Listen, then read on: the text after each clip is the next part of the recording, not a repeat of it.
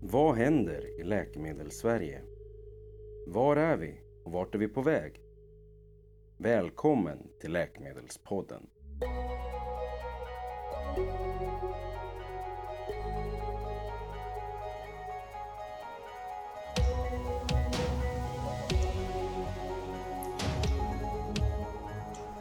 I veckans Läkemedelspodden träffar vi Margareta Lundin som berättar om hur Skaraborgs sjukhus förbättrat informationen till patienter med KOL.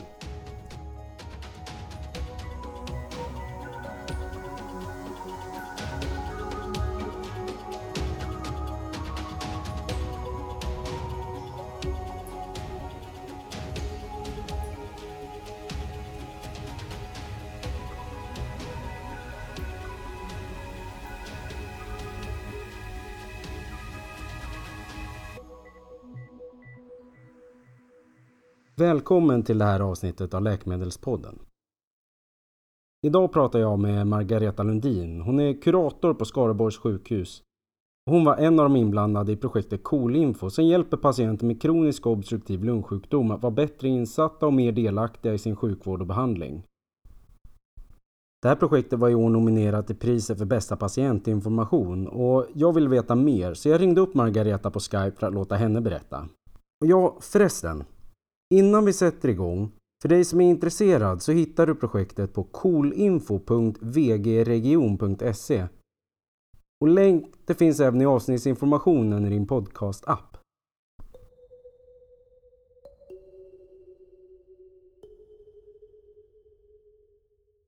Ja, jag heter Margareta Lundin och jobbar som kurator i Skaraborgs sjukhus skolteam. Ni har ju blivit nominerade för er patientcentrerade patientutbildning och man kan känna att det finns ett annat sätt att, eh, att ha en patientutbildning än just patientcentrerad. patientcentrerat och jag tror tyvärr att svaret är ja. Ni har ju verkligen varit ett föredöme i det här. Jag eh, vill gärna höra dig berätta lite hur, hur det såg ut när ni kom igång med det här och hur det såg ut innan. Ja, vi har ju alltid haft patientutbildningar på lungmedicin men det har också varit väldigt svårt att få ihop grupper. Och eh, 2013 då, då fattade vi ett beslut att eh, vi ville öka tillgängligheten till patientutbildning då vi visste att forskning väldigt tydligt visade att egenvårdsutbildningar resulterade i vinster både för individen, familjen, inom hälso och sjukvårdssystemet och samhället. Men som sagt, alla hade inte möj, har inte möjlighet att delta och det, det, de kan vara för sjuka eller ha annan begränsande sjukdom eller problem med transporter eller ekonomi. Och sen skiljer, det, skiljer sig också omhändertagande av personer med KOL mellan olika delar i landet.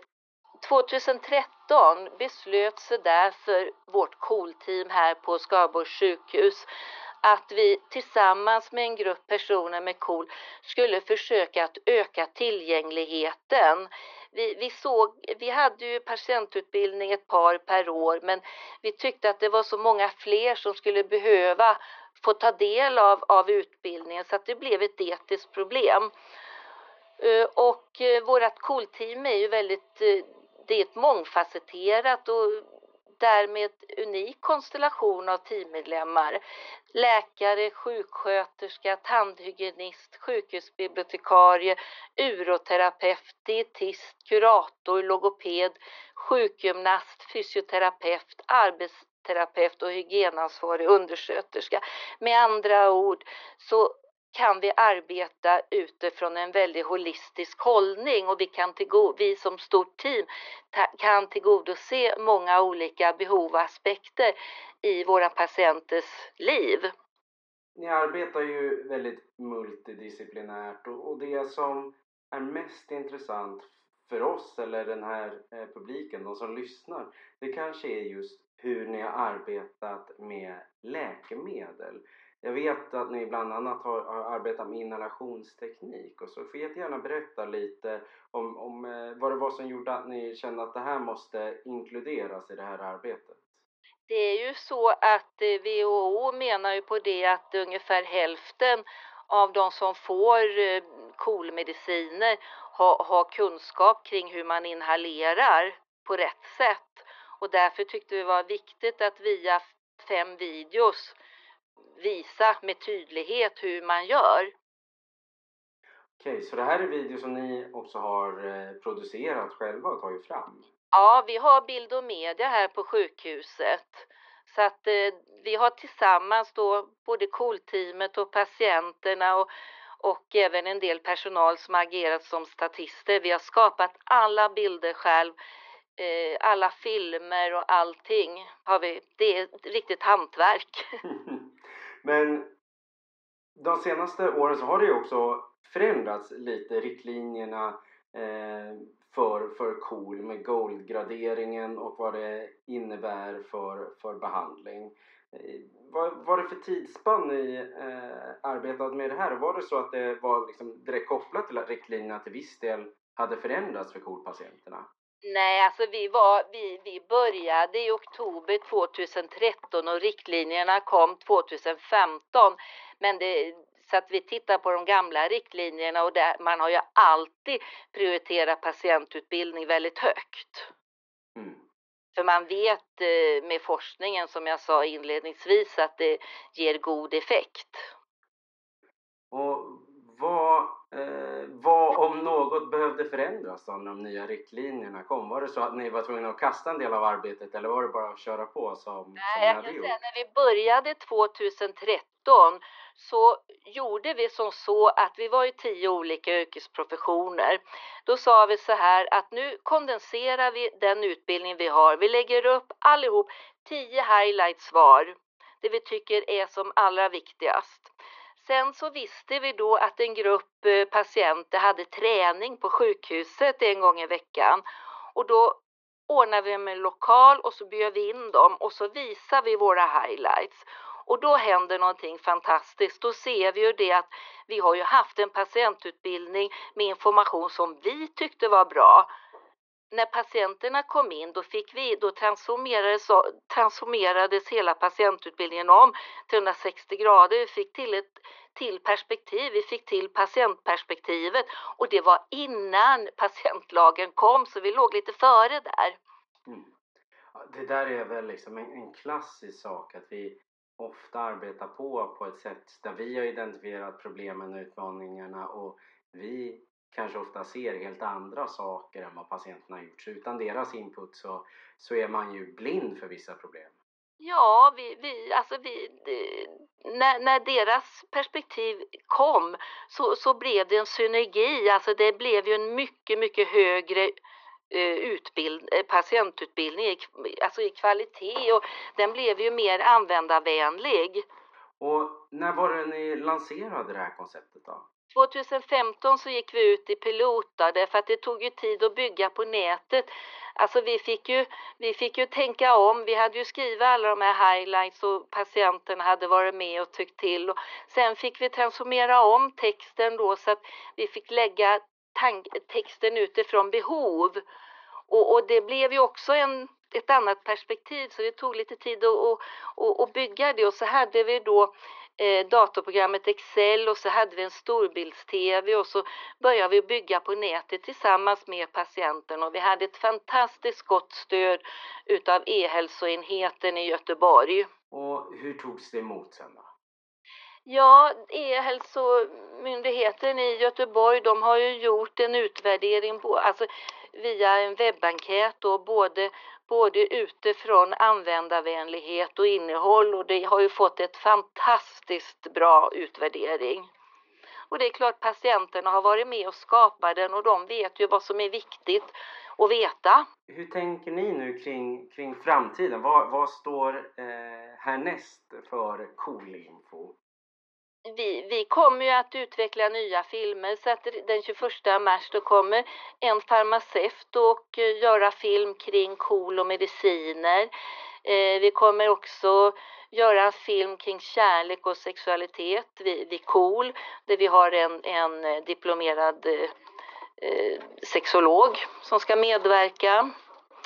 Eh, vi har översatt alla, alla videos eh, till, till engelska och som vi ska börja bygga in. Eh, vi vill ju också översätta till flera andra språk såklart. Så det är många saker på gång där och mycket uppmärksamhet kring det här. Det brukar vara ett tecken på att man gör någonting rätt. Ja, det är precis som att det här projektet har en inneboende egen kraft. Det hittar sina egna vägar. Ja. Så det är hela tiden nya dörrar, fantastiska dörrar som öppnas. Och det var allt vi hade i det här avsnittet av Läkemedelspodden. I nästa vecka så träffar vi vinnaren av årets pris för bästa patientinformation. Eliquis, det direkta orala antikoagulantia-preparatet som har sett till att en av fördelarna med Eliquis, just att man behöver mindre kontakt med sjukvården, inte leder till att man har sämre förståelse för sin behandling. Tack till dig som lyssnat. Läkemedelspodden den ges ut av Apotekarsocietetens sektion för läkemedelsinformation. Vi verkar för en bättre och säkrare användning och utveckling av läkemedel och vi finns till för dig som är verksam, ja i, egentligen i vilken del som helst av läkemedelskedjan. Om du har feedback på dagens avsnitt, hör gärna av dig till jesper Ät Hessius på Twitter eller direkt till mig på LinkedIn där jag heter precis som jag gör i verkligheten. Och du, du har väl blivit medlem i Apotekarsocieteten?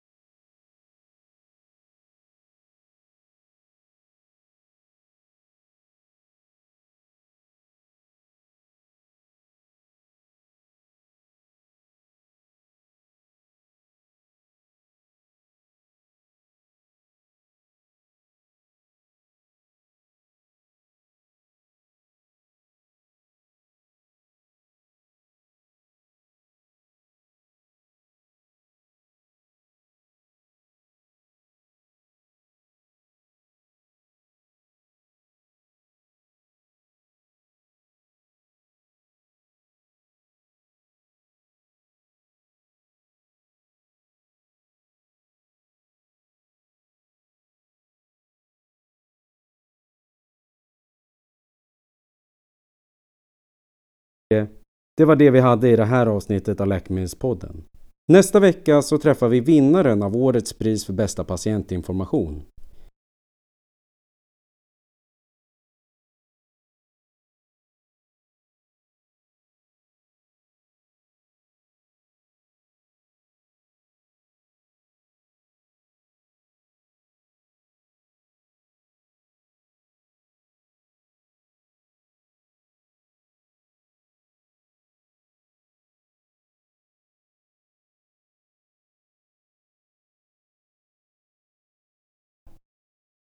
Som ser till att just en av fördelarna med Liquis, att man inte behövde ha lika mycket kontakt med sjukvården, inte lett till att man har sämre förståelse för sin behandling. Vi hörs väl nästa vecka.